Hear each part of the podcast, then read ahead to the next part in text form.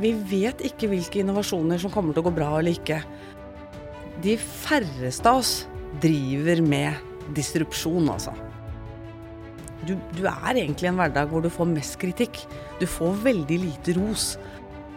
Så det handler veldig mye om å ta disse valgene. Eh, om å gjøre det. Også handler det om å nyte det underveis. Der det er mennesker, der er det historier. Og de historiene som inspirerer oss, er der hvor sorg blir til håp, tvil blir til mot, frykt blir til overbevisning, og drømmer blir til virkelighet. Podkasten All In er der hvor våre historier møtes og nye skapes. Og All In, det handler om deg.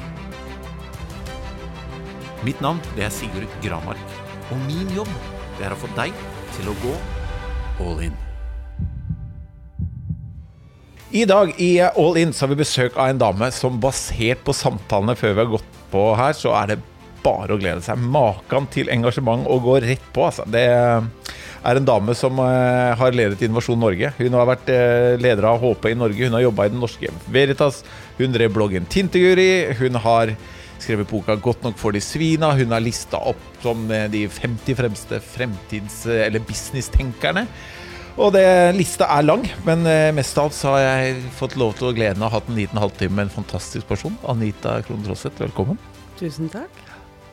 Hyggelig å ha deg her. I like måte. Veldig hyggelig å være her. Gleder du deg? Ja. Vi har sittet og prata om hva vi skal prate om. Og da sa du hvis du leder an, så kan jeg bare henge på. Men da hvis jeg er litt slem mot deg da, og sier hva vil du at det skal være det første spørsmålet jeg stiller deg? Nå har du jo stilt det første spørsmålet. Ja, der er du god. Nei, vet du, vi kan snakke om hva som helst. Det jeg lurer på, eh, som jeg har tenkt på veldig ofte når jeg har sett Innovasjon Norge, hva er innovasjon? Ja, når forteller man definisjonen? innovasjon? Når oppfyller man definisjonen innovasjon? Det er nivåer av innovasjon. Eh, og så fins det masse forskjellige forklaringer sånn eh, intellektuelt hva en innovasjonsdefinisjon er. Men i, i stort sett så handler det om å gjøre ting på litt nye måter. Og det kan man jo gjøre det vi kaller sånne småskrittsforbedringer. Det gjør jo vi mennesker stort sett hele tiden. Litt sånn småskrittsforbedringer. Det aller helligste i innovasjon, det er det som heter disrupsjon. Altså da snur du rundt på en etablert verden. Litt sånn som, eh, sånn som Steve Jobs eh, og Elon Musk. Eh, De færreste av oss driver med disrupsjon, altså. Altså, Man må gjerne tro at vi gjør det, men det gjør vi ikke. Og, og der, å fy trakkeren, nå, nå ble jeg nesten litt nå, Jeg merker du ser, jeg fikk dere som hadde vært der, hvis du hadde vært der sett at nå begynte jeg å ta på meg sjøl. Fordi altså, disruptive det, jeg, jeg har jo eh, Jeg lurer på om det var The Innovators Dilemma, eh, Clayton Christensen, som skrev den en gang i tiden, på 70-tallet. Og siden det så mener han at folk har ødelagt selve definisjonen på disruptive. Fordi nå skal alt disruptes. En liten eh, må, ny måte. Altså, vi er så disruptive. Men det er jo når man forandrer en hel bransje med når du, på en måte eller teknologi som faktisk snur opp ned på hvordan vi gjør ting. Er det ikke det? Det skjer veldig sjelden. Men det er et hellig mål, ikke sant? Eh, å komme dit og virkelig drive med det. Så hvis du treffer unge gründere som da sier at eh, dette skal forandre verden, og eh, dette er disrupsjon, så er det jo litt viktig da, at ikke vi tar fra de de drømmene, for de må de få ha. Men det er jo de færreste som klarer det. De færreste klarer det, eh, og jeg tror at eh, eh, man kan oppnå utrolig mange nivåer før det å være lønnsom. Men jeg syns akkurat selve ordet distribusjon Veldig gøy at du gikk dit. Jeg synes, altså, Selv oppegående markedsførere i veldig kjente selskaper har bare utdannet det og ødelagt det. Eh, nesten på likt nivå, likt nivå som at alle selskaper har blitt merkevarer. Eller alle varer har blitt merkevarer. Det er liksom ikke noen nivåer der heller. Alt er disruptive nesten, og alt er merkevarer. Nettopp. Og det handler vel kanskje om at vi har litt dårlig tid, da. Ikke sant? At vi glemmer litt ordets opprinnelse. At vi kanskje ikke eh, går inn og gjør et godt nok eh, forarbeid for å prøve å forstå hva er det vi egentlig driver med. Og så er det jo også noe med at de, de fleste eh, tanker er jo tenkt før. Men det er jo kombinasjonen av tanker, og så er det ikke minst det som jeg tror kanskje du og jeg har veldig mye til felles, fokus på gjennomføringsevne. Alt handler om å gjøre det. Eh, og når du gjør det, eh, så kan det jo godt hende, og veldig ofte, disrupsjon ender med at du gjør ting som du har forventa et, eh, et utfall, og så skjer ikke det. Nei. Og så er det noe annet som skjer, så det er en slags sånn uhåndgripelig, uforklarlig prosess eh, som, som er veien til disrupsjon, da. Og noen ganger så kan ja, at man eh, Målet var noe annet, men så ble det til det, det skjer en endring så ser at oi, her har vi et eh, anvendbart område. F.eks. i Adidas, da, så når jeg jobbet der, så kom vi med noen, en teknologi som het Boost. Eh, Den kjenner ikke du til, for det var på løpesko. Jeg har ingen Jeg tror ikke jeg eier et par løpesko. Og jeg gjør ikke narr av Anita her, det er hun som har sagt til meg at hun ikke trener så mye. Men der er det en teknologi som, eh, i løpeskoen da, som eh, gjør at når du tryk, tråkker ned, så spretter skoen litt tilbake. Og det snudde jo opp ned på teknologi på løpesko over hele verden. Eh, Men det var egentlig en teknologi som var tenkt til på innsiden av eh, Eller fra NASA sin eh, del, fra innsiden av disse romraketter og Eller eh, heter det romskip, eller er det litt gammel utdannelse? Eh, det vet jeg ikke. Nei, det- Men jeg tror alle forstår hva du mener. Ja, det var egentlig ment der. Og så, så snudde det ganske opp ned på hvordan man bygger såler på løpesko over hele verden. Da. Men det var tenkt til noe annet. Men det er et veldig godt eksempel eh, på hvordan ekte disrupsjon oppstår, da. Ja. Og er det, hvis du skulle, i forhold til det du sa, er det de med de beste ideene, eller er det de som har rå gjennomføringskraft, som til slutt ender med å lykkes? Du kan komme veldig langt med en halvdårlig idé hvis du har gjennomføringskraft. Du kommer veldig kort med en knallgod idé hvis du ikke klarer å levere på den. Og gjennomføringskraft, det å klare å stå i ting, da. Du har jo skrevet en bok av 'Godt nok for de svina'. Og eh, ha et kjenn på dette med ledelse. Og, og brenner for det. Bare den lille samtalen vi hadde før nå, så skjønner jeg veldig. Og gjennomføringskraft og utholdenhet sånn generelt, hvis jeg sier at det er en nøkkel bak innovasjon, og kanskje hvis noen av disse unge som har beholdt drømmene deres, kan oppnå disrupsjon. Men gjennomføringskraft og utholdenhet i ledelse, hva tenker du? Det, det henger jo sammen. fordi det å, å gründe noe, eller det å være toppidrettsøver, eller det å være Eller å, å bli en øverste leder, da har du egentlig tatt noe valg. Da driver du ikke med mosjonsidrett lenger. Da skal du opp i et annet liga. Eh, og det krever eh, annen type trening, annen type innsats av, av timer. Og det krever også en enorm utvikling i å ikke få til ting, i å tape, i å ikke bli valgt ut, eh, i å ha lyst til å gi opp, og ha, få erfaring med å, å, å bli når du som mest lyst har til å slutte. Og jeg kan, selv om ikke jeg er noe god i idrett, så så syns jeg det er gode metaforer fra idretten. fordi hvis du blir verdensmester i noe, så har du jo en lang CV med eh, kretsmesterskap du har tapt. Du har en, mange år med år hvor du aldri ble sett. Du ble ikke tatt ut, du ble ikke valgt ut. Og det gjelder litt det samme på toppnivå ledelse eh, også. At veldig mye av det vi jobber med, er jo, er jo motstand. Det er jo å stå i motstand, men også forstå motstand. Lære seg å navigere i det. Trene på ting som man er dårlig på. Eh, det er mye likhetstrekk her, altså. Ah, Ja, fordi det her er bra, da, fordi jeg tror at veldig mye av hinderet for idrettsutøvere som skal bli gode senere, er at de må våge å være dårlige nå. For forutsetningen for utvikling er at du må våge å se dårlig ut. For det er, vi er som regel dårlige når vi lærer nye ting, og det er forutsetningen for at det skal bli utvikling. Og det tror jeg gjelder i næringslivet òg, at det, veldig mange som skal ta den reisa da, og, og bli ledere, for det første. Men Som du sier, altså, der, å selge de den pilla om at det, det handler ikke om å jobbe så mye. Det, det krever en del timer.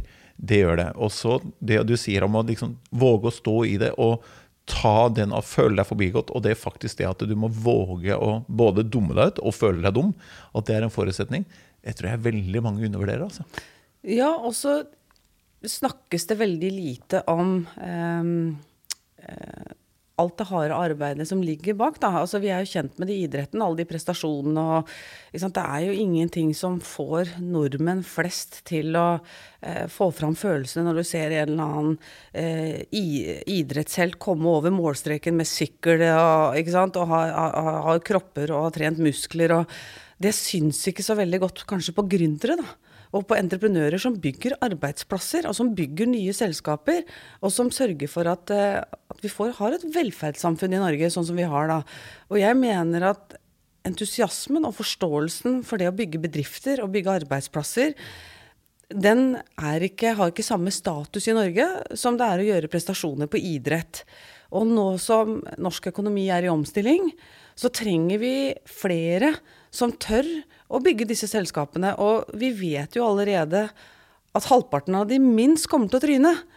Uh, og, det å tryne i idretten er ok, men det å tryne i næringslivet er ikke ok. Og det er en kulturendring som vi trenger å jobbe med uh, mer i Norge, tror jeg. Uh, og faktisk Jeg har et eksempel på det her, da. har du vært i Skogn før? Du, du, har reist overalt. Ja, ja garantert. Skogn er en liten bygd i Trøndelag. Ja, der har jeg vært. Jeg har kjørt igjennom, Det bor 2000 mennesker der. Eh, og det har egentlig ikke vært innovasjon der siden 60-tallet, da Norske Skog bygget opp sin fabrikk. Ja. Og så for noen år siden så var det jo noen modige eh, sjeler som tenkte at eh, på Skogn, der skal vi bygge verdens største fabrikk eh, for flytende biogass. Og det de skal gjøre, dette er sirkulærøkonomien i praksis. De skal ta eh, slammet fra Norske Skogfabrikken som ligger der, med eh, overskudd og slam fra, eh, fra, havet, altså marin. Og så lager de en fabrikk, og så blander de dette avfallet. Eh, og så blir det flytende biogass og kan brukes på nytt igjen. En fantastisk idé. Fantastiske folk med masse pågangsmot. Og så skulle vi da legge ned denne grunnsteinen til fabrikken. Og så er jeg der, så lurer jeg på ja, men eh, hvor er liksom politikerne? Hvor er, eh, hvor er lokalpolitikerne? Og da fikk jeg fortalt at det kunne jo hende at dette prosjektet ikke gikk bra. Det er jo ikke så lurt å assosiere seg med det da. Og det mener jeg er et problem. Fordi at vi vet ikke hvilke innovasjoner som kommer til å gå bra eller ikke. Og de få som tør å ta steget ut, de trenger den, eh, de trenger den supporterringen da, som er på en fotballbane eller som er langs skiløypene, som heier på de. Eh, og det er det veldig få eh, gründere og bedriftsstartere eh, som har. De sitter bare og, og venter på at ja, ja, det var litt store vyer på den karen i den bygda der, ja, vi får håpe at dette går gærent. Det er ikke bra. Nei, det er ikke bra, ass. Og eh, for det første, jeg syns alt Bare folk prøver, så skal vi heie. Eh, og, så, men det du sier i forhold til det assosieres med noe som kan mislykkes, eller frykten for å mislykkes Altså det å Eh, jeg som har jobbet veldig mye med, med næringsliv i Norge. Altså Forfengelighet det er en av mine fanesaker å prøve å slå i hjel. Og feighet. Ja, og, og, forfengelighet og feighet ligger jo veldig nær hverandre. For feighet er jo at du tenker konsekvensen kan være at jeg ser dårlig ut. Så nesten som tvillinger. Jeg er helt enig. Forfengelighet er kanskje et finere ord for feighet. En mer rake pucker kan være feighet. Fordi eh, vi ledere, jeg tror det er de som er mest kall det feige eller forfengelige, det er menn på min alder, mellom 45 og 55. Fordi da begynner vi å bli litt eldre, og da skal vi i hvert fall ikke se dårlig ut. Da begynner vi å passe litt på posisjonen vår og sånn. Og da er det som dukker opp da, det er den feigheten i forhold til at vi begynner å passe litt på plassene våre, vi begynner å posisjonere oss, istedenfor å virkelig våge da, å heie på de unge, heie på de i Skogn, heie på de som vil gjøre noe nytt, være rollemodeller, møte folk for å gjøre de bedre, ikke bare drive med den imponeringa som vi begynner med i den alderen. Og det er en forutsetning, om du er entreprenør om du er leder, for alt som skal bli bra, da, er at du våger å se dårlig ut, og da heier på også det å assosieres med folk som eventuelt ikke lykkes. Og når det gjelder det å um, stå som leder, da Du har jo Er det en som kan ha, sikkert ha et vitnesbyrd på det å stå i det, da? Og uh, kanskje det med både mot og overmot, sikkert, noen ganger. Våge å stå i det. Du fikk en liste på 13 punkter som du kunne bli bedre på. Kan det Stemmer det fra styret? Er det noe du kan prate om? Det kan jeg ikke. ikke for det har jeg valgt å ikke eh, kommentere eh, i mediene. Så det kan jeg ikke kommentere her heller. Og det er en del av prisen av det å være øverste leder. Også gjerne som jeg gjerne skulle ha kommentert det, så kan jeg ikke. Jeg velger å ikke gjøre det. For hvorfor skal jeg gå ned eh, en, en, en, dårlig vei? Eh, jeg har ikke noe hva skal jeg si Jeg, jeg har ikke noe behov for eh, å gjøre noen dårlig. Nei, og hvis jeg skulle bra. svart på det, så ville jeg gjort noen dårlig. Ja. Og det har jeg ikke noe lyst til. Det er veldig bra. Nei. Og vi sier at den poden her er for å inspirere folk og snakke godt om folk. Mm. Men hvordan takler du kritikk, da? For å si det sånn, altså si om konstruktiv eller ikke. Hvordan takler Anita kritikk? Jeg tror eh, på lik linje som de fleste av oss, eh, så syns vi kritikk er vanskelig. Eh, og så er jo det litt avhengig av hvordan kritikken blir servert. Mm. noen ganger så tror jeg de fleste av oss er sånn Ja, men ok, det trengte jeg å høre. Og når man er leder, så blir du ganske så godt trent på det, altså. Fordi du, du er egentlig i en hverdag hvor du får mest kritikk. Du får veldig lite ros. Oppgaven din er å håndtere flaskehalser og få beskjed om ting som ikke funker. Så hverdagen består egentlig å, å bli ganske mm, trent på da, å håndtere kritikk. Og så er det jo noe av det som jeg har snakket litt om, og det er å, å, å prøve å forstå den ulike kritikken. Eh, og finne ut av når er det, det er viktig å ta den kritikken inn over seg. Gjøre noe med det og rett og slett rapportere tilbake at eh, 'jeg hørte du sa dette', eh, 'nå har jeg prøvd å gjøre det på en annen måte', hva syns du om det? Jeg beveger jeg meg i riktig retning, eller, hva, eller må jeg gjøre det på nytt igjen? Eh, og så har du det som jeg kaller gjødsel, Ja. som er reinspikka faenskap. Ja. For det fins også. ja. Og så er det litt sånn at når, eh, når du er en offentlig person, som jeg har vært, da, så er jo det Da er det jo også litt sånn fritt vilt for å kunne ha eh, meninger om en. Og det må man tåle. Eh, eh, og, og sånn har jeg vært selv. Jeg kan jo ha meninger om, om folk som har en offentlig profil, men som jeg aldri har snakka med. Jeg har egentlig ingen kunnskap. Jeg har bare en sånn reaksjon på at eh, hun liker jeg, eller hun liker jeg ikke. Eh, og så er det jo da litt annerledes når du står i en sånn posisjon selv og får disse meningene. Men jeg tror nok at eh, Jeg har jo hatt egne folk i Innovasjon Norge som har nesten hatt som, som ikke bare som egen oppgave, men hatt som en oppgave å rive ned alt jeg sier og gjør. Så hvis jeg f.eks. skriver et eller annet, eh, så sender jeg det til vedkommende og så sier jeg 'riv det i stykker'. Oi. Hva er det her som virkelig kan bli møtt med motstand, eller hvor jeg har eh, ikke klarer å underbygge godt nok det jeg prøver å få fram? Eh, og det har vært fantastiske øvelser, altså. Det er bra Eh, så jeg, jeg ber egentlig om å få den julingen, for jeg vet jeg får juling uansett. Eh, og det tror jeg er litt Jeg har bestemt meg ganske tidlig for å ikke være redd for å mene noe, selv om andre ikke er enig med meg. Og selv om eh, jeg da vil oppleve at det er urettferdig, så må jeg stå i det også. Men det er jeg som må lære meg å finne ut av når, når er det jeg virkelig må ta det inn, innover meg. Og det er klart at når folk som står nærme meg, kommer med kritikk eller, eller kommer med korreksjoner, da lytter jeg ekstra. Men hvis en eller annen eh, uten navn, anonym, kommenterer en eller annen drittkommentar på, på en eller annen eh, i, i en avis, det bryr jeg meg ikke om. Nei. Det tar jeg ikke inn over meg. For det tenker jeg at det, det skal den vedkommende ha full rettighet til å mene det. Men jeg har også rettighet til å ikke ta det inn over meg. Uh, så jeg må skille mellom uh, når, når jeg tar det inn over meg eller ikke, da. Og måten er det egentlig Kjenner de meg, vil de meg vel, da kan du ta kritikken. Kjenner de meg ikke, og egentlig du ikke vet eh, agendaen deres, så velger du ikke å forholde deg til det. Men det, det er ikke nødvendig at de må kjenne meg heller. Det kan jo være en, en godt ment altså, jeg, jeg har nok kanskje som ett krav da, at eh, stå fram med hvem du er. Anonymitet er jeg ikke så mye for. Så, så øh, hvis du har en tilbakemelding, så har jeg veldig respekt for at man sier hvem man er. Ja. Helt enig. Og da vil jeg gjerne gå i dialog. Er helt enig. Eh, og så noen ganger så ser jeg at den dialogen, der får jeg masse gode innspill. Men jeg tror det som kanskje henger litt ved oss ledere, da, det er at av og til så kan vi komme i faser hvor vi slutter å lytte. Ikke sant? Hvor vi blir så arrogante at vi tror at liksom det vi holder på med, er det beste. Og vi slutter å ta meldingene fra feltet. Det er livsfarlig. Eh, og jeg tror alle ledere som har en lang lederkarriere Hvis du ikke ser tilbake på din egen tid og kan identifisere noen tidspunkt hvor du burde ha tatt flere råd, da har du et problem. Mm. Eh, men det er en del av læringa òg, da. Mm. Eh, å være leder. Det er jo å finne ut av disse tingene her. Jeg hadde mm, besøk av en, eh, min leder i Adidas som kom til Norge. Og skulle besøke oss i Norge. Og da hadde han sjekka ut litt hvordan jeg var med min ledergruppe. Og, og det visste jo ikke jeg.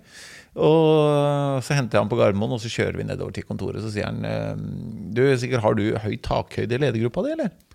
Eh, og, og, ja, sier du. ja, ja, ja, og det skal jeg love deg. Jeg dro på med både takhøyde og holdt nesten et foredrag i ledelse jeg på vei nedover til, eh, til kontoret. Og etter hvert så sier han jo Det syns jeg er rart at du sier. Og da skjønte jeg at her har jeg svart feil. For jeg hadde høy takhøyde i ledergruppa mi. Folk kunne si det de ville, men jeg gjorde det som jeg ville. Og da hadde jeg kommet til en fase hvor jeg visste best selv og en sånn ordentlig blindsone. Hvor uh, i gjennomføring, i, uh, i ønsket om å skape noe, og kanskje mye skryt og, og følte at ting fløyt, så det, det, her kunne jeg, liksom. Men så var jeg instrumentelt trent nok til å spørre, da. Ja ja, selvfølgelig, og tok tilbakemeldingene. Men, og etter hvert så jeg har snakket med de jeg leda litt òg, da. Eller vi, selvfølgelig har vi snakket om det, og da skjønte jeg at ok, jeg hadde jo konkludert før dette møtet. Spurte de, og til slutt så ga de ikke. De ga bare Sigurd er vel i den retningen. Ga svar som var den retningen som jeg uh, var i. Og da skjer jo to ting. Eh, de som er uenige med deg, de, og som virkelig du trenger, de forsvinner. Og så blir jo likhet en høy faktor, for du tiltrekker deg folk som er like som deg, som mener det samme som deg. Og likhet er kanskje starten på alt som er dårlig, da. Helt enig. Og alt handler om tillit. Og det tar tid å bygge opp tillit.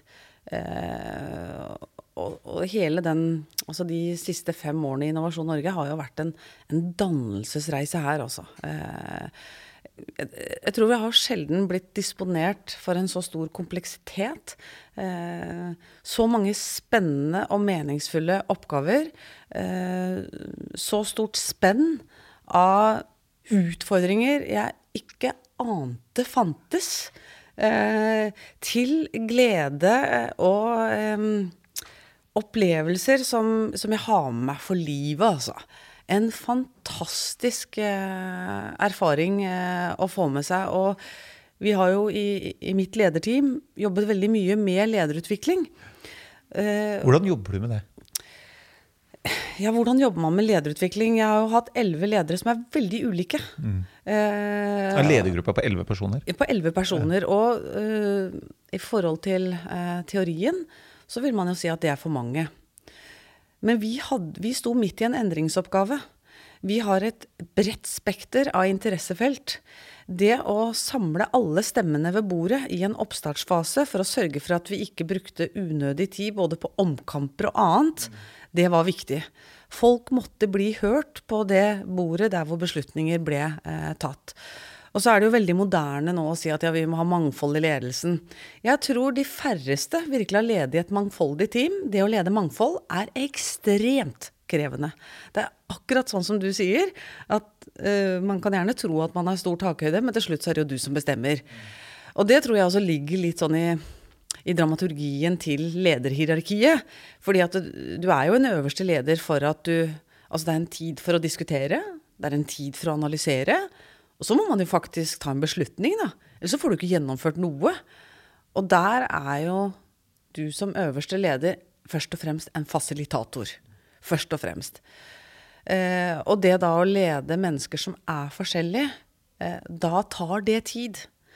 Så er det én ting jeg har lært meg i Innovasjon Norge, er det at ting tar tid. Så selv om jeg kanskje føler at nå er vi klare, så er vi ikke klare. Eh, og der mener jo jeg også at samspillet vi har hatt med eh, fagforeningene, eh, som jo er veldig gode til å plukke opp signaler i organisasjonen, eh, og det kan være litt slitsomt for en leder å hele tiden få sånne negative signaler. Men de gjør det jo fordi det, de fleste, vil jeg si, de fleste gjør det fordi de vil selskapet vel. Og for de vil at du skal ta tak i en flaskehals, fikse det. Og det verste for en toppleder, det er når de slutter å fortelle deg sånne ting. Når de ikke kommer og forteller deg hvor skoa trykker, det er et varseltegn, altså. Så vi har hatt episoder i Innovasjon Norge hvor vi har holdt på med et digitaliseringsprosjekt som vi virkelig altså, har brukt år på å få fram. Eh, og da valgte jeg å stoppe det.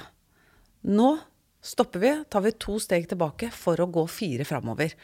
Og det var en, eh, det var, det var en bøg for meg, altså. Eh, og liksom hadde så ikke lyst til å stoppe det. hadde så lyst at vi skulle gå foran, fordi det er jo også en avveining for de ildsjelene som går foran, da. At jeg må jo få med de også til å bli enige om at vi må stoppe litt. For det hjelper ikke om vi løper foran hvis ikke vi får med oss resten av det teamet. Da blir det veldig ensomt, og det blir kortsiktig. Så, og dette er erfaringer som du får når du tar på deg operativt lederansvar. Eh, det er mange som mener mye om mangt om leder og ledelse.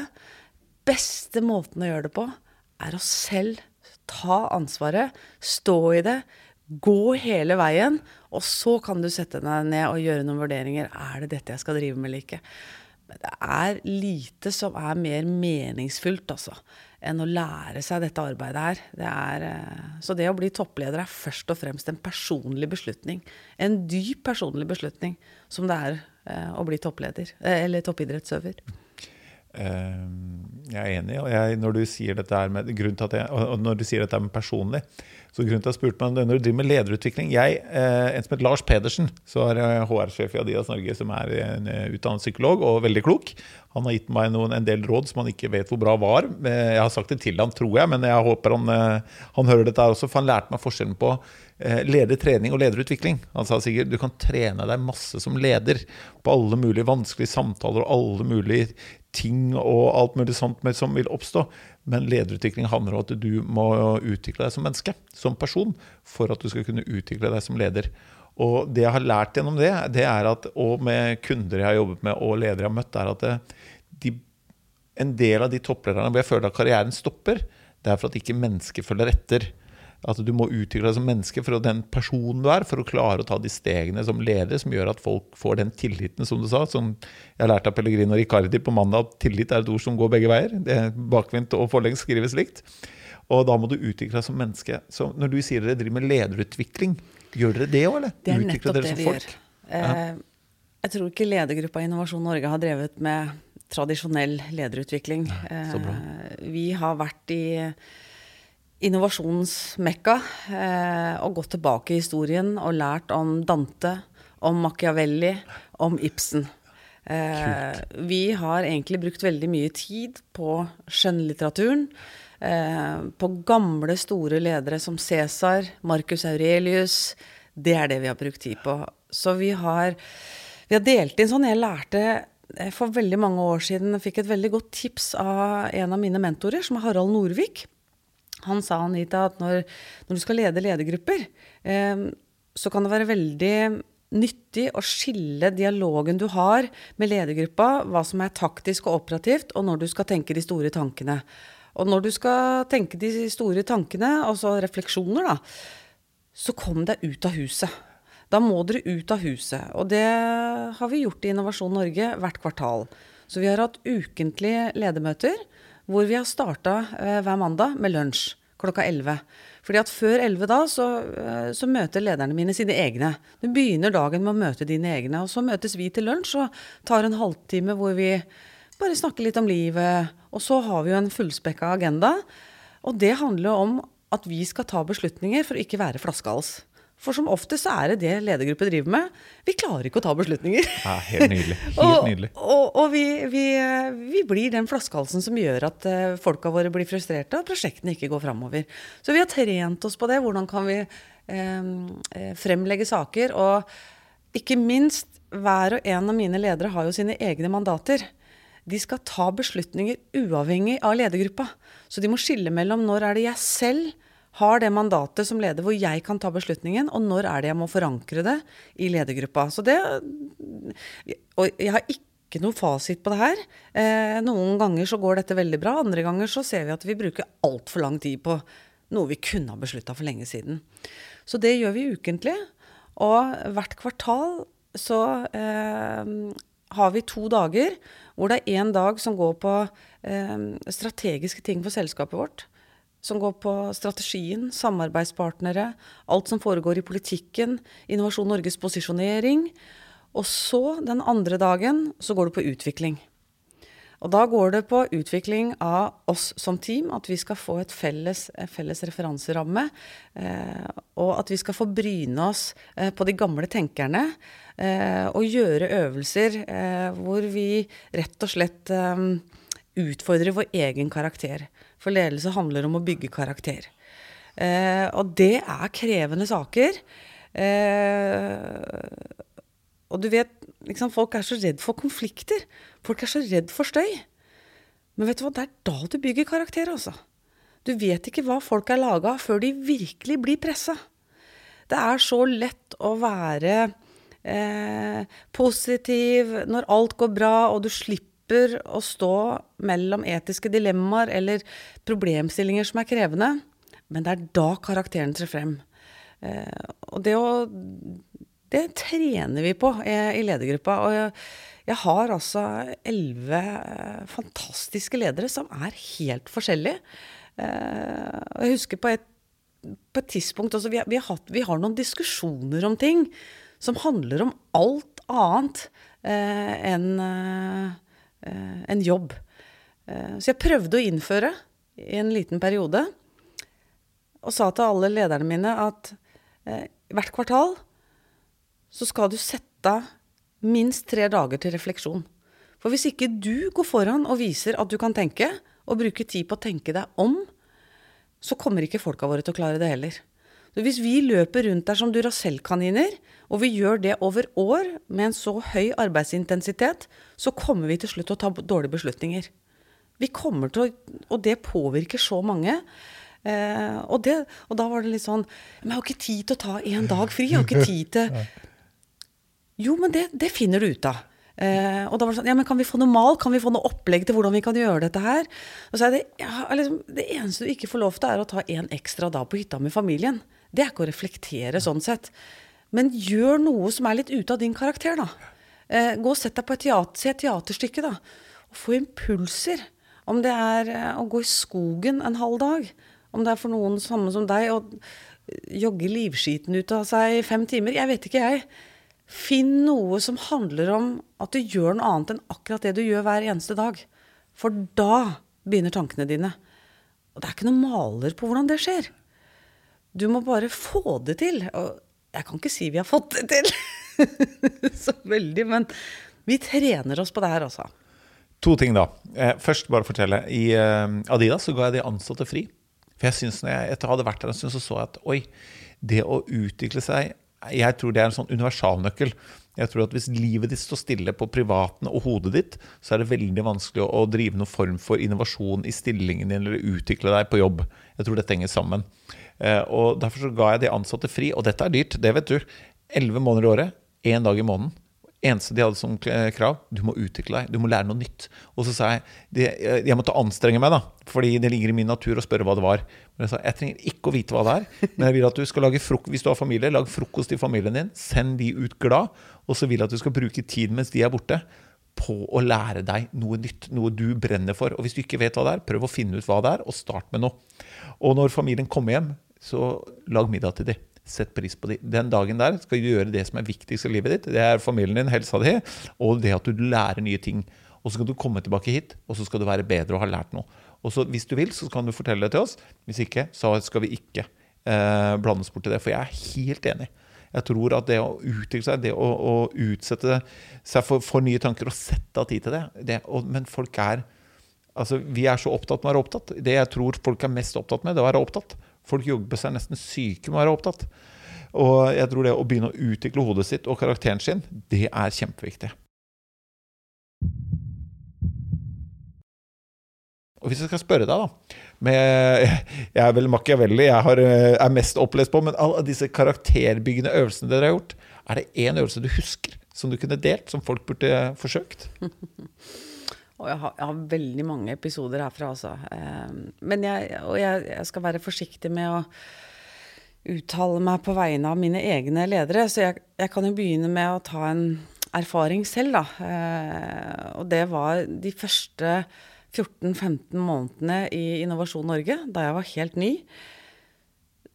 Da skjedde det så mye som jeg ikke forsto. Men, men det jeg forsto, i hvert fall, var at nå må jeg få mer innsikt.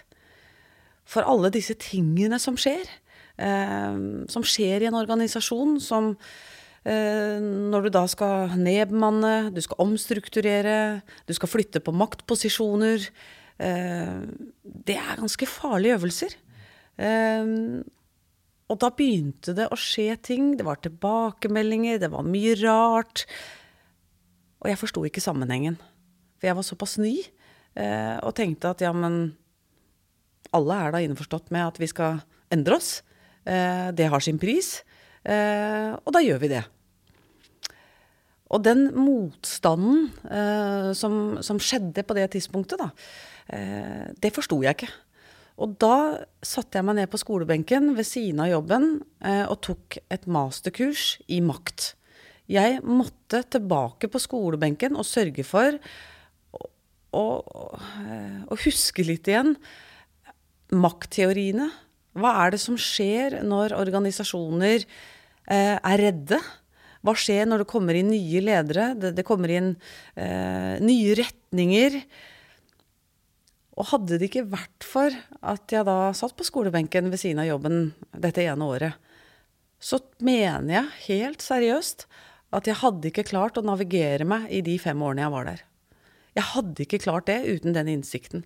For den fikk meg litt sånn to steg tilbake igjen og huske på hva, hva er det dette her egentlig handler om. Det er veldig mange ledere som har endret organisasjoner i århundrer eh, og gjort disse tingene. Og det å forstå at dette her handler ikke om meg som person, men en slags dramaturgi som alle endringsprosjekter er i. Jeg måtte lese meg på det. Jeg måtte studere disse gamle lederne eh, igjen. Og det var altså så verdifullt. Og etter jeg tok denne masteren, så tenkte jeg dette her er innsikt jeg må ta med videre til ledergruppa. Det hjelper ikke at jeg har sett lyset her med skjønnlitteratur og Ibsen og Machiavelli og Dante og hele gjengen. Jeg har lyst til å introdusere de for de, og det har vi brukt de siste eh, to-tre årene på. Eh, og gjort oppdagelser. Eh, brukt en dag hvor vi har vært hjemme hos Ibsen. Fått forelesning på Kongsemnerne. Vi har brukt tid på å gå og se på de negative, mørke sidene ved lederskap. For du vet, det å velge å bli leder, det er fra et psykologisk ståsted en ganske farlig affære. Du utsetter deg for en utvikling av en del egenskaper hos deg som individ som ikke er bra. Og det må du være på vakt eh, på. Ref det du sa om eh, at du følte at du var kongen på haugen. At det var du som satt med alle svarene. Det er eh, faretegn. Eh, det er helt naturlig at de kommer. Eh, men hvis man ikke er bevisst det, og ikke klarer å korrigere seg når de tingene der skjer, eller isolerer deg og slutter å ta råd, det er dødssynd for en leder, altså. Eh, og det, det lærte vi om, og tok opp igjen og snakka høyt om.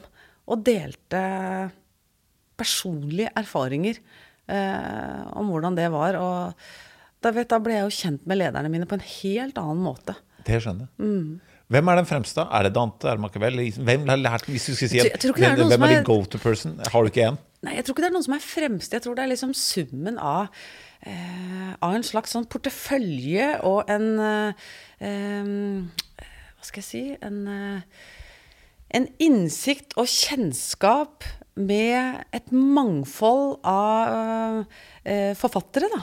Eh, men det er klart at jeg har nok blitt begeistra mye mer, i mye større grad, for skjønnlitteraturen enn jeg er for sakprosaen. Ja. Jeg syns det er Og det er bra, det. Det fins masse bra sakprosa, men det er veldig mye sånn Her er eh, fem måter å bli en bedre leder. Her er suksesshistorien fra Adidas. her er fire steg til å følge en verdikjede. Det er mye bra læring å hente fra det. Men vet du, alt handler om folk. Mm. Oh, alt handler om relasjoner. Og hvis jeg skal dra det enda dypere, og det kanskje høres jævlig teit ut, eh, men da vil jeg sitere Jon Fosse. Han sier 'mennesket er først og fremst sjel'. Det er noe med det, altså. Og jeg tror at de som vi virkelig ser opp til, disse store internasjonale navnene, den sjela der, som jeg vet noen sånne fagforskere De har jo til og med prøvd å veie hva, hva, hva veier en sjel når et menneske er dødt. Ja, forlater kroppen, jeg er fullstendig uinteressert i eh, naturvitenskapet på det. Men dette magiske rundt sjelen og mennesket som skjønnlitteraturen er en bærer av, eh, den slår sakprosaen hundregangeren, altså. Og kombinasjonen av det, som leder Hva er det du jobber med da? Du jobber jo med folk. Eh, og det å lese skjønnlitteratur da, det syns jeg har vært veldig eh, utrolig givende. Du er eh, litt annerledes enn jeg hadde trodd. Altså. Hva trodde du, da? Nei, jeg tror du var litt tøff, litt sånn hardere og litt Men det er, er, interessant, det- interessant, for det hva, hvorfor, hvorfor tror du det? Nei, men Det er jo det du sa, at du hadde dannet et inntrykk gjennom folk som du har sett i media. Og sånn er det litt med deg òg, siden ikke vi kjenner hverandre fra før av. Nå, nå er vi nesten bestevenner allerede. Det er litt den derre Nei, men det er et utrolig Jeg ville jo sagt at du Jeg trodde du nesten kom med Det er jo Innovasjon Norge, og det er fakta. Nesten at du Jeg har noe Nesten forskning viser at forskning Og så er det mye mer den skjønnlitteraturen. Og jeg er jo eh, noe jeg liksom ikke forstår eh, konseptet, er hvilken dag var det mennesker inn, inn, gikk inn i et bygg og ble ansatte? Fordi jeg vil gjerne ha alle menneskene til å gå ut igjen, bli mennesker, og gå inn igjen på nytt og beholde mennesket. Og tror at de beste lederne fremover vil være de som Og det sier jeg til alle unge. Hva, hva, hva er gode ledere? Hva skal jeg følge? Finn den som er best med mennesker, og lær deg det. Og da, Det er jo den veien man kommer som du sier, inn til denne sjela. Da. Vi skal påvirke folk på et dypere nivå enn å selge mer varer. Eh, og, eh, så Det er derfor jeg synes det det det er en annerledes introduksjon til det. Og eh, det er to ting jeg må bare huske å gå tilbake til. Fordi det er litt sånn, du, Vi skal komme tilbake til eh, eh, Camel uten filter etterpå. Men du, når du driver pod, da Hvis ikke folk får noen tips, noe sånn konkrete så Enten så klager de på tipset, eller så gjør de ikke noe med det. Eller at det ikke var tips, eller så gjør de ikke noe med det. Så når du sier Dante, Ibsen, Machiavelli Én eh, bok, da. Hvis du skulle startet et sted. Hvilken bok burde man startet med? Jeg tror alle lederspirer eh, eller Og du trenger ikke å være lederspire heller, det kan være en idrettsspire. Du kan være Hvis du er et menneske, da, som eh, føler at du har noe mer å gi, eh, og har lyst til ting og har en eller annen drive, du vet ikke hva det er, eh, og du satser på prosjekter, og du gjør feil, og du tryner, og ja, så er det én bok som eh, er veldig, veldig gammel, eh, som er skrevet av eh, en tidligere keiser som også var filosof, som heter Marcus Aurelius. Boka heter 'Til meg selv'. Og det er en fantastisk bok som du ikke skal lese fra start til slutt.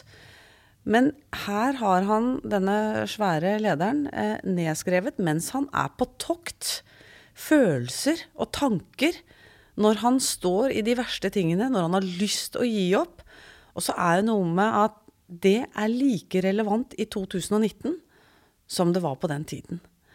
Så, og, det, og det er jo det at tidene forandrer seg, ikke sant? Men vi mennesker forandrer oss ikke. Eh, og det er jo derfor eh, sånne som Ibsen som skriver om kongsemnerne, hvor Håkon og Skule eh, kjemper om hvem er som skal Altså de kjemper rett og slett hvem skal bli administrerende direktør. Eh, de kampene som pågår da, hva som foregår i et menneskes hode, det er relevant ennå. Eh, og det å se tilbake til de store Gjør det, altså. For det, det, det gir masse. Så 'Til meg selv' av Marcus Aurelius er, eh, har jeg funnet masse. Kongsemnerne ble jeg jo introdusert av av eh, Steinar Bjartveit og Kjetil Eikeseth, som driver et eh, mener jeg et fremragende program på BI som heter 'Ledelse, makt og mening'. Jeg har aldri forstått Kongsemneren og Ibsen på den måten jeg forstår nå. Ved den måten de introduserte ham på. Plutselig så ble det relevant. Fra å være tvangslitteratur fra gymnaset, liksom, Ja. som konkurrerte med russetid og pauser og eh, Så det går an Det som er så fint med disse store klassikerne, at du kan til enhver tid gjenoppdage de. Ja. Eh, og, så, så ikke tenk at ja, men dette er kjedelig. Eh, gå på nettet, eh, få noen som har skrevet om disse stykkene. Bli introdusert for ting. Ja, så eh, Marcus eh, Aurelius, til meg, bra tips. Vi- Til meg selv. Til meg selv. Eh, eh, få bestilt opp den, og, og start der. For det er litt sånn, hvis man ikke gir de tipsene der, så begynner folk eh, Enten så søker de litt, og så klarer de ikke å bestemme seg, eller så bare glemmer de det. Og så er det én til. Eh, og det er jo en av verdens mest kjente bøker. Eh, og det er 'Mørkets hjerte' av Konrad. Så hvis du har lyst til å ta et lite dypdykk i hvor gærent det kan gå med deg som leder, fra et psykologisk ståsted, eh, hvor man blir litt skremt, rett og slett, Eh, det vil jeg anbefale deg. Eh, 'Mørkets hjerter' av, eh, av Konrad, eh, og selvfølgelig 'Kongsemnene' til Henrik Ibsen. Der har du tre store man kan begynne store. med.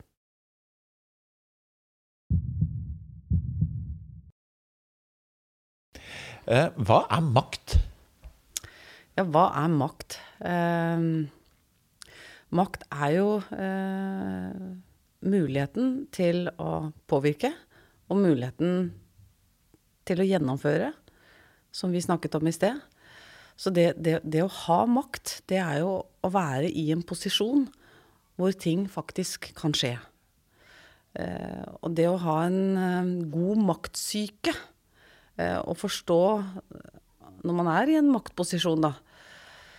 Og det kan man ofte glemme. Jeg kan glemme det selv. At jeg tenker at alt jeg sier og gjør, ja, men det blir jo tatt på den og den måten. Og så blir det ikke det. Fordi, at, fordi man er i en maktposisjon, så blir det tolka annerledes. Og det å være bevisst på det, det har jeg kanskje blitt eh, de siste årene, da, hvor jeg har hatt en, en rolle hvor jeg ser at det jeg skriver og det jeg sier, det får effekt. Eh, ikke bare positivt, for å si det sånn. Det Nei. irriterer også. Det, ja, det har vi sett. Eh, Så det er jo For meg er makt noe, noe positivt. Det, er, det handler om ansvar. Det handler om muligheten til å, å få til ting. Ja, men er, er vi er det, er det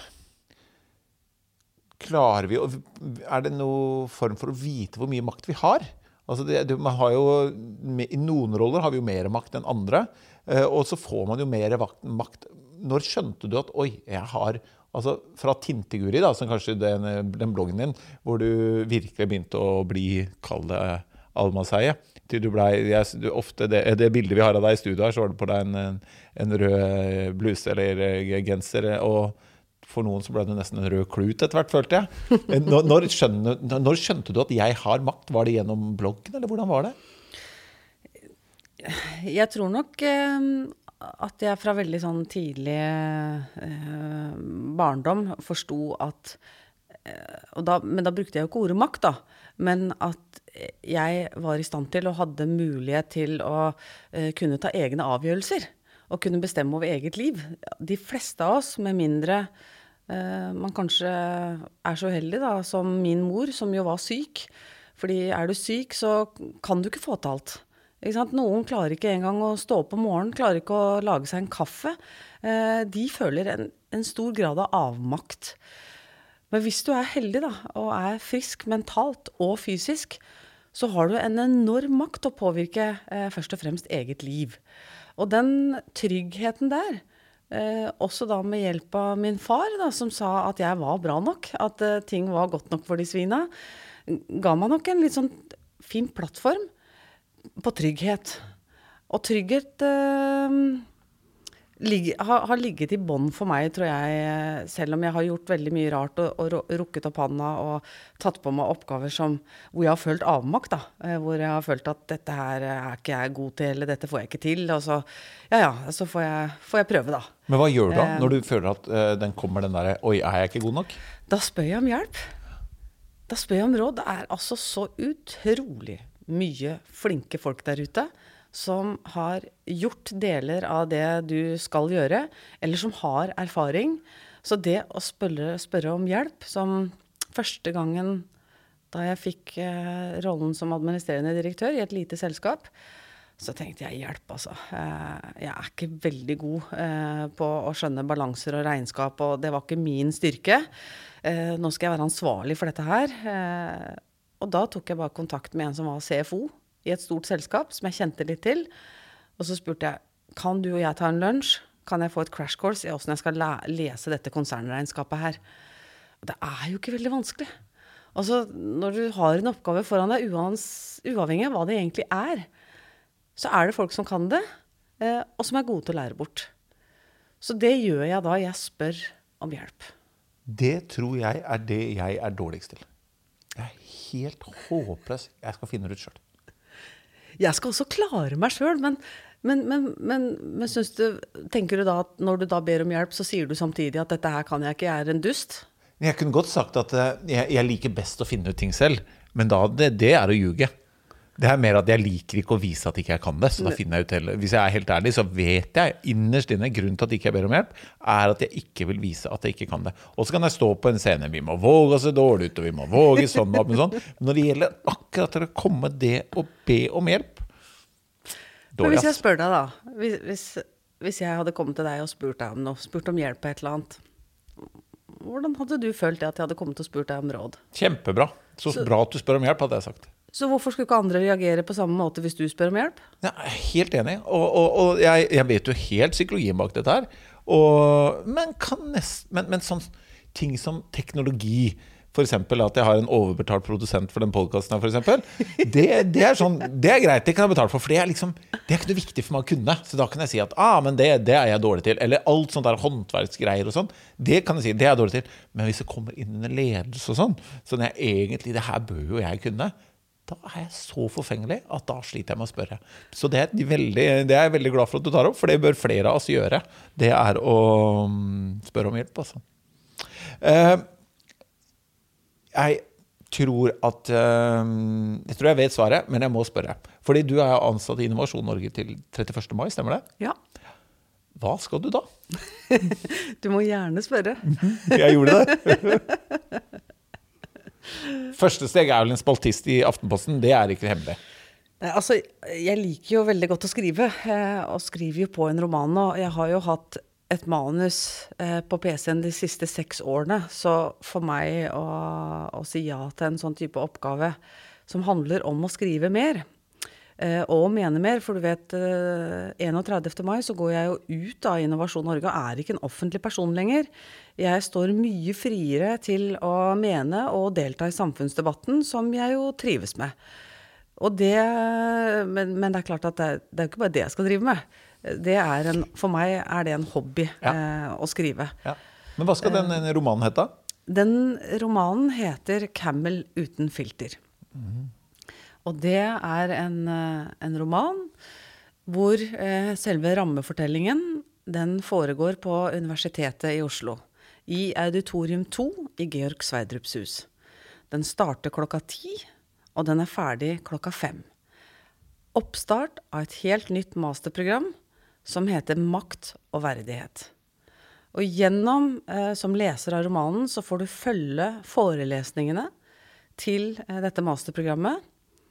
Og i salen så sitter det 76 ledere.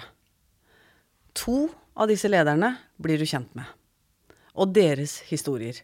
Både hvordan de agerer på det som blir presentert i forelesningen, men de gjør også reiser tilbake i sine egne erfaringer. Og så krysser deres historier hverandre, for de har også noe med hverandre å gjøre. Uh. Hvem er liten filter? Når, når, når, kan vi lese den? Jeg tror vi, jeg, vi satser på at den kommer i oktober. Og så råd du er på gjennomføring, så gjør den vel det, da? Ja, altså, det, altså eh, Et skjønnlitterært eh, prosjekt er eh, massivt, altså. Mm. Det er eh, Nå har jeg jobba med dette her i flere år, så det er ikke noe man bare bestemmer seg for å gjøre på et kvarter. Det er en reise i tålmodighet, og det er en reise i å ikke gi opp. Eh, og jeg har fantastiske, eh, kloke seniorredaktører, fordi jeg jo ikke, har jo ikke skrevet skjønnlitteratur før. Så det er jo både å skrive eh, skjønnlitterært og også Og, det, du, det var en befrielse, for jeg har jo skrevet sakprosa. Og det å kunne eh, få bruke fri fantasi, det å ikke henvise til eh, kilder på meninger, men gå inn i mennesker, i karakterer, og utvikle deres skjebner. Eh, og det har ikke jeg kunnet bestemme på forhånd. De har utviklet seg etter hvert som jeg har skrevet, og jeg aner ikke hvor det kommer fra. Men plutselig så gjør vedkommende sånn og sånn. Eh, og alt det som skjer i mediebildet nå liksom det siste eh, året, um, hvor jeg kanskje da har trodd at nå har jeg tatt litt i. Nå har det vært litt vel mye fiksjon her. Men altså, virkeligheten overgår all fiksjon. Men hva skjer med deg når du skriver? Vet du, da, Det er det samme som at da puster jeg. Eh, jeg kan sitte og skrive i timevis, dagevis, og fjerne meg helt fra tid og sted. Eh, og jeg kan skrive hvor som helst, når som helst. Mm. Jeg har Jeg kommer til å ta dette litt opp på podkasten også, men jeg har lyttet veldig mye til andre forfattere. Jeg har lest mye eh, og lyttet på podkaster hvor de har beskrevet sine skrivemetoder, og så har jeg testa det ut. eh, så jeg har gjort som, som Per Petterson og prøvd å bare konsentrere meg om én setning. Det klarer ikke jeg. Jeg må skrive mye mer. Eh, han har en tilnærming som, som jeg syns er helt fantastisk, men som ikke er min metode. Og så har jeg prøvd eh, en annen metode fra en forfatter i Bergen som sier at han liker godt å skrive i mørket. Det får jeg heller ikke til. Og så har jeg hørt på en tredje forfatter som sier at det er viktig å ha et, en pult, et eget sted, faste rutiner. Så mannen min han eh, var da så grei at han gikk og kjøpte en sånn eldgammel, nydelig mørk mahoney-pult. Og tenkte at der skal kona sitte og skrive. Det er vel det eneste stedet jeg ikke har skrevet et ord. um, og så var det en fjerde forfatter som sa at han skriver best når han er full. Og jeg er litt dårlig på alkohol. Jeg drikker ganske lite, så jeg har et, eh, et nyttårsforsett i år på at jeg skal drikke litt mer. Jeg har drukket altfor lite alkohol i løpet av livet. Og nå, dette er ikke forkleinelse, for jeg har dyp respekt for alkoholikere. Jeg, jeg anbefaler ingen å drikke masse alkohol, bare sånn det er sagt eh, veldig tydelig. Jeg, man skal ha et normalt forhold til det. Men jeg prøvde da altså, eh, når familien min var borte, da jeg var helt alene, å drikke så mye jeg kunne for å se hvor mye kan jeg drikke, hvor full kan jeg bli, eh, til jeg ikke klarer å skrive mer. Det ble ikke bra. Det ble ikke det? Det var altså litt ute av Snakk om karakter. å bli kjent med seg selv. eh, Ja, bli kjent med seg selv. Men da, da lo jeg fælt. Altså. Jeg hadde tre dager i Sandefjord, eh, i sommerhuset vårt, hvor jeg, eh, jeg dusja ikke. Jeg spiste bare bacon, røyka og drakk. og skrev. Og det ble skikkelig dårlig. Høres ut som gammel, gammel sånn forfatterliv. Bare sånn eh, helt supersært om pietistisk drikke, spise, Ja, for det sove, virker, ikke sant? Forfatterlivet tror jeg på veldig mange virker litt sånn nostalgisk og romantisk og masse Mm. frihet. Vet du hva, det er beinhardt arbeid. Mm. Mm. Og det å ha det ved siden av en toppjobb krever en helt annen disiplin. Mm. Jeg kan ikke sitte og vente på å bli inspirert. Jeg har tre timer, jeg. Da må jeg skrive. Ja. Da må jeg levere. Eh, Og det jeg, stod, jeg kan ikke se for meg et liv nå uten et eller annet manus. Så langt har det gått. Men når det har gått så langt, da, og i forhold til den tittelen forfatter, ser du på deg selv som en forfatter? Altså Nå kommer jeg jo med bok nummer to, roman nummer to, som er publisert. Eh, så jeg vil jo si at jeg er forfatter da. Eh, jeg vet ikke om det er noen regler for det, men jeg tror man minst bør ha publisert to bøker. Jeg, jeg, jeg vet ikke om det er noen regler for det. Ingen, ingen anelse. Jeg bare husker når jeg begynte å, å plundre på en bok, så det siste jeg så meg som var forfatter. Følte at det var sånn der beskytta tittel, nesten sånn. Ja, men det den er vel ikke bare beskytta, den tittelen, tror jeg. Samme Nei. som journalist er vel ikke heller Eller konsulent, eller uh... Jeg tror det er flere, flere titler som er like greit at Men det jeg ikke vet er det. at jeg kommer til å skrive flere bøker enn to. Eh, så jeg Jeg gleder meg til Camel uten filter. Før vi går til The All-Ins. Men det er noe mer som skal hete Camel uten filter, er det ikke det? Ja, Uh, i april så eh, kom jeg med en pod. Eh, og den heter det samme, men den skal handle om litt mer. Den skal handle om å skrive, eh, om å innovere og lede, og det å leve selve livet. Og da er det ca. en time, 50 minutters samtaler med mennesker jeg syns er veldig interessante, litt annerledes. Som eh, enten leder, innoverer, skriver, eller lever livet på en annen måte enn det jeg kanskje gjør selv. Og så håper jeg at når man har hørt den timen, at kanskje man blir ikke bare altså, inspirert, men mobilisert da, til å kanskje ta noen valg som har sittet litt hardt inne. Eh, og så skal den komme på søndager. For søndager er det veldig få podder som kommer ut. Da har vi god tid. Vi går tur, vasker klær. Da håper jeg kanskje at folk vil høre på det da, og, og bli kjent med mennesker på en litt annen måte. Veit du når i april den kommer? Eh, jeg skal prøve å komme med en episode før påske. Jeg skal spille inn 11. april. Så eh, ja, Og så er jo, ikke sant Jeg skal gjøre dette selv. Ja, det er derfor jeg ler. Du, det er fra du skal spille til du har Ja. lært deg redigering. Ja, så jeg, jeg må jo, jeg har, Nå har jeg kjøpt utstyret, og så har jeg en, eh, en god venn som skal lære meg litt. Men det er noe med det at jeg må kjenne håndverket i ting. Så jeg skal lære meg å ta disse samtalene opp og redigere de og laste ned og distribuere de, få de ut. Eh, så får vi se om jeg klarer det, da. Og til dere som lytter på her, vi eh, skal alliere oss litt med Anita. Så når den slippes, så skal vi dele det hos oss. Sånn at dere kan få vite hvilken dato det er, for den bør absolutt være verdt å lytte på. Det blir gøy, da. Ja, jeg gleder meg veldig. Ja. Anbefales.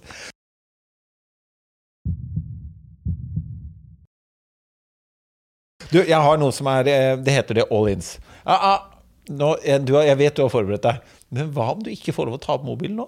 Er det krise for et vinkelhode som deg, eller går det helt fint? Nei, på ingen Nei, måte. Da kan du få lov å ta det. Ja. Jeg tenker bare at jeg vet at et av spørsmålene du har, er anbefaling eh, på en gjest. Uh, uh, og jeg skrev ned navnet på den gjesten, og det husker jeg ikke. Og det er jeg litt opptatt av for riktig. Da kan du bare sånn bruke du... Det er bare med at jeg ville hatt deg ut av komfortsonen. Men jeg, det slo meg ikke en som trenger sånn type Nei, kontroll. Egentlig ikke. men det første spørsmålet er jo hvilke spørsmål skulle du ønske at jeg spurte deg om? Er det noe vi mangler? Er det noe som Hvorfor spurte meg ikke om det, Sigurd? Nei, jeg syns egentlig ikke det. Nei. Jeg syns både du og jeg har prata mye her, har vi ikke mm. det? Jo. Uh, og, og og vi har sikkert vært innom veldig mange temaer som vi kunne gått i dybden på, men det trenger vi rett og slett tid til. Ja. Så Da kan ja. vi gå på og høre på poden din. vet du. Men hva er du redd for, da? Jeg driver egentlig ikke så veldig mye med å være redd. Um, men jeg har vært mye redd. Uh, frykt tror jeg er litt viktig å smake på. For hvis du går rundt og ikke er redd for noe som helst, Eh, det skal man i hvert fall være redd for. Så, eh, så, selv om ikke jeg driver med så veldig mye frykt, eh, så er vel kanskje det som Det som gjør at jeg kan få litt vondt i magen, det er hvis noe skjer familien. Det er jeg kan stå, altså Alt som handler om jobb, det kan fikses. På en eller annen måte. Men jeg har jo opplevd et stort tap da jeg var mindre.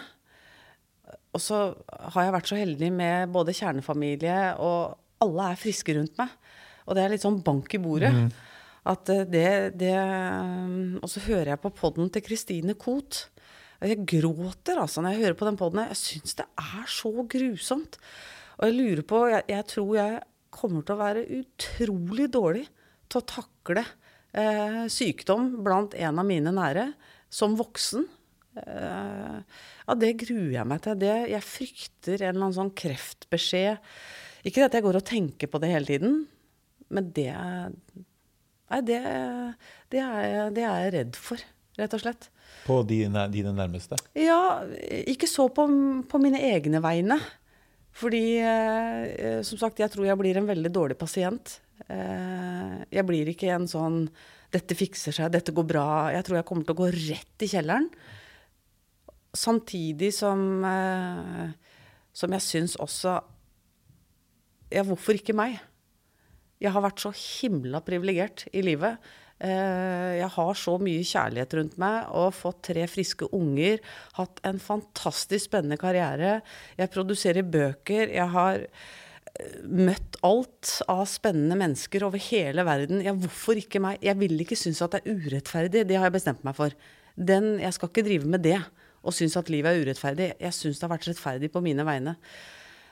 Men jeg, jeg, jeg tror jeg vil gå Nei, det der blir tøft. Ja. Uh, men jeg er ikke redd for å dø. Nei. Da hadde du ikke røyka? Nei, ikke sant. Og det er jo virkelig noe jeg bør slutte med. Hva, det men det klarer jeg ikke selv. Jeg må få hjelp. Jeg klarer ikke å røyke selv. Nei, jo, det klarer jeg, men jeg klarer ikke å slutte. Jeg har prøvd. Uh, jeg får det ikke til. Fordi eh, det som er eh, kanskje en av de høyeste formene for egoisme, det er røyking. vet du. Ja, I forhold til de som er redde for at det samme skal skje med deg. Du vet, her, jeg, kan, jeg, har ingen gode argumenter for hvorfor jeg bør fortsette med det. Eh, bortsett fra at det er en avhengighet som, eh, som er et særdeles lite bærekraftig eh, valg. Så eh, jeg må bare Nei, jeg må få hjelp. Jeg må, jeg må finne ut av det. Invitere en til eh poden din som kanskje kan noe om det i forhold til livet. Ja, jeg har jo prøvd hypnose. Det ja, du har prøvd hypnose? Nei. Ja, nei, det, det, gikk ikke. Jeg sovna jo med en gang. Jeg sovner jo overalt, så jeg lurer på om jeg ja. sovna litt for hardt. ok. Hva drømmer du om? Slutt å røyke, si. Nei, Hva Hva drømmer du om? Jeg drømmer mye. Deilig. Eh, og jeg har drømt mye hele livet, men jeg drømmer ikke om, eh, om ting uten å gjøre noe med det. Eh, altså, jeg, var, var, jeg ser for meg ting ofte.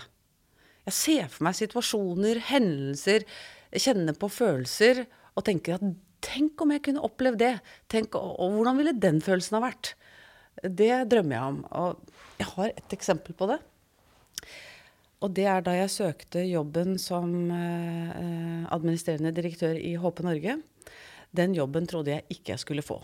Jeg hadde vært bare i HP et par år. Eh, jeg var jente, eh, eller kvinne. HP Norge hadde aldri hatt en kvinnelig toppsjef eh, tidligere. Eh, og det var mange andre gode kandidater. Jeg trodde ikke jeg skulle få jobben. Og så var jeg jo i intervjuprosess. Og så begynte jeg jo da å tvile skikkelig på mitt eget kandidatur. Og så tenkte jeg du, hvis jeg begynner å tvile masse på det, hvorfor, da kommer de som intervjuer meg, i hvert fall til å tvile. Det kommer til å skinne igjennom på en eller annen måte. Så da satte jeg meg ned en kveld, og så skrev jeg eh, en mail. Og dette er en sånn fiktiv mail hvor jeg, hvor jeg skrev til altså bl.a. Harald Norvik og så et par andre senior mennesker som har fulgt meg hele arbeidslivet, og som har vært gode støttespillere, gode sparringpartnere. Og så hadde jeg tror jeg, en overskrift på den mailen hvor det sto jeg fikk, jeg fikk jobben i HP. Og så skrev jeg 'Kjære Harald sånn og sånn'. Tusen hjertelig takk for all sparring, all støtte i alle år. Nå trenger jeg dere mer enn noen gang. Nå skal jeg ha mitt første store lederansvar. Og så gikk jeg inn i følelsen og beskrev at jeg hadde fått jobben. Og den følelsen var så god. Og så tenkte jeg tenk om jeg en dag kan sende den mailen? Og da ble det en sånn eh, drivkraft for meg i prosessen. Da ble det sånn at Søren, jeg skal ha den jobben, jeg skal ha den jobben, jeg skal sende den mailen. Og den dagen jeg fikk jobben og trykka på send, det var bare en kjempefølelse. Altså det der, Seinest uh, den uka her så hadde jeg en gruppe mennesker hvor jeg snakket for. Jeg sa at altså, det jeg bestemmer meg for, og det jeg anbefaler alle Når du setter deg noen mål, at du har en drøm, et eller annet som du styrer over selv Selvfølgelig, du må ha rå gjennomføringskraft, men begynn å se deg selv og kjenn på følelsen av å være der. Fordi hjernen er såpass sånn at eh, hvis du klarer å konstruere og jobbe godt med liksom den følelsen, så er det så mye drivkraft. da. I litt sånne små øyeblikk så er det nesten som man ikke veit forskjell, liksom, for du får de følelsene med å være der. Så jeg alltid, hvis jeg setter meg noen nye mål og jeg, jeg, har ikke vært like flink som deg til å beskrive det sånn, men jeg tenker mye på liksom, Nå er jeg der, og så, og så jeg er i den rollen. Og det er det mye krefter i. Altså. Og man, man, man trolig får, får, en sånn mye mer sånn overbevisning om at man kan komme dit. Så det er et veldig bra tips. Altså. En fin historie. Vi er jo litt lært opp vet du, til at vi skal ta Vi skal ikke ta eh, Altså, vi, vi, skal ikke glede oss ikke sant, før vi ja. vet om ting. Mm. Vi skal være litt uh, avmålte og litt sånn Nei, vi får se hvordan det går. Men jeg mener det motsatte. At av og til så må du også tørre å glede deg. eh, og tro at den hendelsen eller den episoden eller det vil skje. Det å tørre å smake på den gleden det gir deg jo bare mer livskvalitet. Ja, ja, Istedenfor å hele tiden forberede deg på, og så skal du snakke med Nei, jeg får den jo ikke. Du skal drive og safe deg hele tida ja, på alle de tingene som ikke går. Og den, den, eh, Da jeg sendte den mailen, da Og så skrev jeg også på den mailen at, eh, at jeg hadde lyst til å takke de. Eh, og det er noe du lærer også av Marcus Aurelius. Han er veldig god til å takke folk som har betydd noe for han, og takke eksplisitt. Og, og, og, han er ikke redd for å skryte av folk og si 'tusen takk for hva du har gjort'. Og så skrev jeg at jeg gjerne ville invitere de nøkkelpersonene hjem til meg. Og så skrev jeg at da skal min far lage flesk i duppe, for faren min lager verdens beste flesk i duppe. Og så skulle mannen min lage mojito. Og du vet, flesk og duppe og mojito det er ikke noe vanlig rett. Nei, men det, det det. i mitt hjem så er det ultimate lykke. Eh, det å se pappa stå på kjøkkenet og steke flesket sitt, og mannen min stå og mikse mojitoen, det er en god kombo. Det er bra dag. Og så eh, kom den dagen da hvor gjestene kom. Og så står pappa der, og så lager han mat, og så sier han Vet du, Anita, jeg hadde aldri trodd at jeg skulle stå og lage flesk i duppe til Harald Norvik. De to gutta der er i samme generasjon. Begge kommer fra Snertingdalen. Eh, Harald Norvik var konsernsjef i Statoil. Pappa har vært elektriker på plattform i nesten hele sitt liv. Og at han skulle stå der og lage flesk i duppe til han Vet du, Vi hadde så hyggelig. Og jeg sparer på hyggelige opplevelser i mitt liv. Det er de eh, jeg husker. Det er eh, Fy søren, det var gøy. Oi, oi. Altså, drømmer blir til virkelighet, vet du. Du må bare våge å drømme dem. Men apropos det, hvem er din drømmegjest her? Du, og nå skal jeg bare eh, ta opp mobilen min igjen, for nå kommer eh, Jeg leste om denne personen og tenkte Han der vil jeg gjerne høre mer om. Spent. Ja. Eh, og drømmegjesten, han heter altså Ralf Høybakk. Har du hørt om han? Aldri. Han er tidligere administrerende direktør i Norsk Data. Men vet du hvorfor han er spennende? Han disputerte to måneder før han ble 80 år. Han har tatt doktorgrad i matematikk. Nei. Et fag han aldri har studert. Og da tenker jeg, å være 80 år og ta en doktorgrad, det skal jeg jo gjøre. Det er aldri for seint. Og, og du kommer til å like han fyren her, for, og du kommer til å like en mye bedre enn en den latsabben du har i sofaen her. For han her, eh, han har besteget Mount Everest. Han har krysset Sydpolen på ski. Han har fulgt Nansens spor over Grønland. Og han trengte en ny utfordring, så han tok en doktorgrad. Hva er denne mannen her laget av? Ralf Høybakk. Ralf Høybakk. Nå Hva? er han vel 81 eller noe. Hva han er laget av, det må vi finne ut. Kan ikke du finne ut det? Det skal jeg love deg. Ja. Sikker på at du ikke vil han selv? Nei, vær så god! Tusen takk. Ja. Ok, Ralf Høybakk, det var, eh, det var eh, Jeg ser eh, Morten produsent er i gang med å google her alt.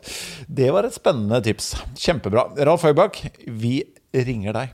Hvis du må droppe alt du gjør i dag, bortsett fra én ting som du må gå all in med Altså Folk sliter med fokus. vet Du Du skal gjøre én ting. Hva er det? Skrive. Du sliter ikke med det spørsmålet? Uten tvil. Ja. Da ville jeg ha skrevet. Hva er neste skriveprosjektet ditt når du har levert uh, Camel uten filter? Ehm, jeg er litt usikker på om det skal bli en oppfølgerroman, fordi denne romanen slutter på en måte som gjør at det kan bli en oppfølger. Enten det, eller så har jeg et par andre prosjekter som er litt mer sakprosa. Men, men, men jeg får se. Men at jeg kommer til å skrive flere bøker, det, det, det er det ikke tvil om. Altså, du var veldig, altså, når du kom på sånn bokbad hos Brenner og sånn, du var veldig god til å, å selge inn den uh, Camel uten filter, altså. Var jeg det? Ja, jeg gleder meg veldig. Med en gang tenkte jeg det her starter klokken ti i ba, ba, ba. Så jeg, jeg, jeg, gleder meg. Jeg gleder meg veldig. Men det er jo litt spennende. Vet, dette, dette handler jo egentlig om to mennesker som er i krise. De er over 50 år begge to, levd et langt liv. De har gjort feil. Det er, det er ikke noe ikke? Og det er jo ingenting som er en bedre eksportvare fra Norge enn ting som er, eh, som er krise, som ikke er bra. Så det er ikke noe det er ikke en, eh, det er ikke en godlynt roman, det her, altså. Det er ikke noe eh, all in, dette her. nei. Noen ganger må man også gå all out. Rett og slett for å gå all in. Ja, bra sagt. Veldig bra sagt. Eh, hvis du skulle valgt én person i verden som du kan bestemme at skal gå all in på noe du bestemmer hva er Du kan velge akkurat hvem du vil, men du kan bestemme hva den skal, personen skal gjøre. Skal hvem er personen, hva skal den gjøre, og aller helst litt om hvorfor. Ja, da har jeg eh, plukket meg ut igjen. Eh, og det er eh, Jeg skulle ønske, bare se for deg I morgen klokka ti så er det altså selveste Kim Jong-un fra Nord-Korea. Han har oppretta en Twitter-konto. Og han sender altså sjefen i Sør-Korea en tweet, og der står det følgende Let's torn down the border and create one Korea. Det hadde vært kult, det. Altså, Det må kanskje være jeg er uten mot forkleinelse til de andre gjestene, det beste svaret vi har fått på det spørsmålet her. Det er jo helt fantastisk. Vet, Nord-Korea er liksom det siste store vi har av det vi ikke vil ha. Ikke sant? Tenk deg hva slags signaleffekt, hva slags håp dette her hadde gitt til verden hvis han hadde gjort noe sånt. Altså, men hvorfor er ikke det sannsynlig når vi har en Donald Trump som er Twitters spinnevill? Eh, Så hvorfor kunne ikke dette skje? For dette er jo alle tweets sin mor. Det er liksom Ja, ja. Den, Twitter kunne jo lagt ned etter det. Det er jeg Altså, helt enig i. Altså, hvis den går da, da er alt mulig. Det er jeg helt enig i. Make- ja, ja, veldig bra. Vi, eh, vi nærmer oss slutten, dessverre. Uh, ja, ja, dette her har vært eh, eh, helt nydelig. Men siste spørsmål. Hva er din definisjon på å gå all in? Å gå all in For meg, det handler først og fremst om å ta noe valg. Og når jeg har valgt, så må jeg gjøre.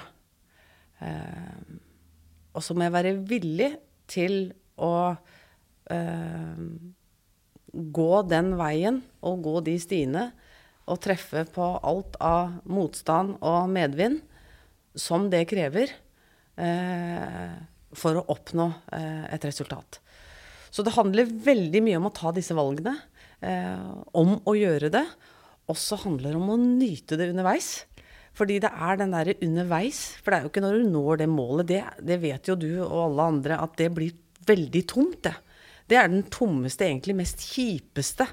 Det er den reisen underveis, den mestringsfølelsen, eh, alle de du blir kjent med, eh, ting du overrasker deg selv. Det er å gå all in. Det er å ikke gi seg, altså.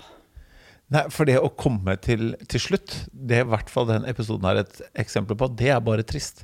For den reisa og den gjennomføringa dette har vært i en episode som blir lang, men mer enn hvert, hvert minutt.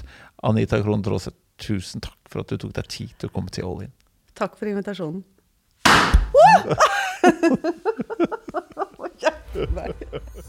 All In det handler om å inspirere folk, gjøre det de drømmer om.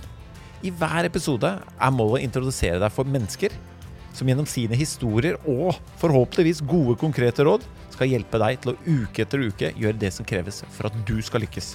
All in, det handler fortsatt om deg. Og hvem som skal hjelpe deg på veien, det kan du være med å bestemme.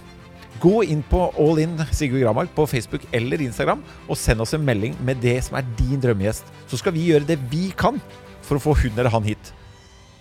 Liker du denne podkasten, så setter vi stor pris på om du kan gå inn og rate oss på iTunes. Det vil hjelpe oss å få dine drømmegjester hit i fremtiden. Og vil du vite mer om det å gå all in, så kan du gå inn på allin.no.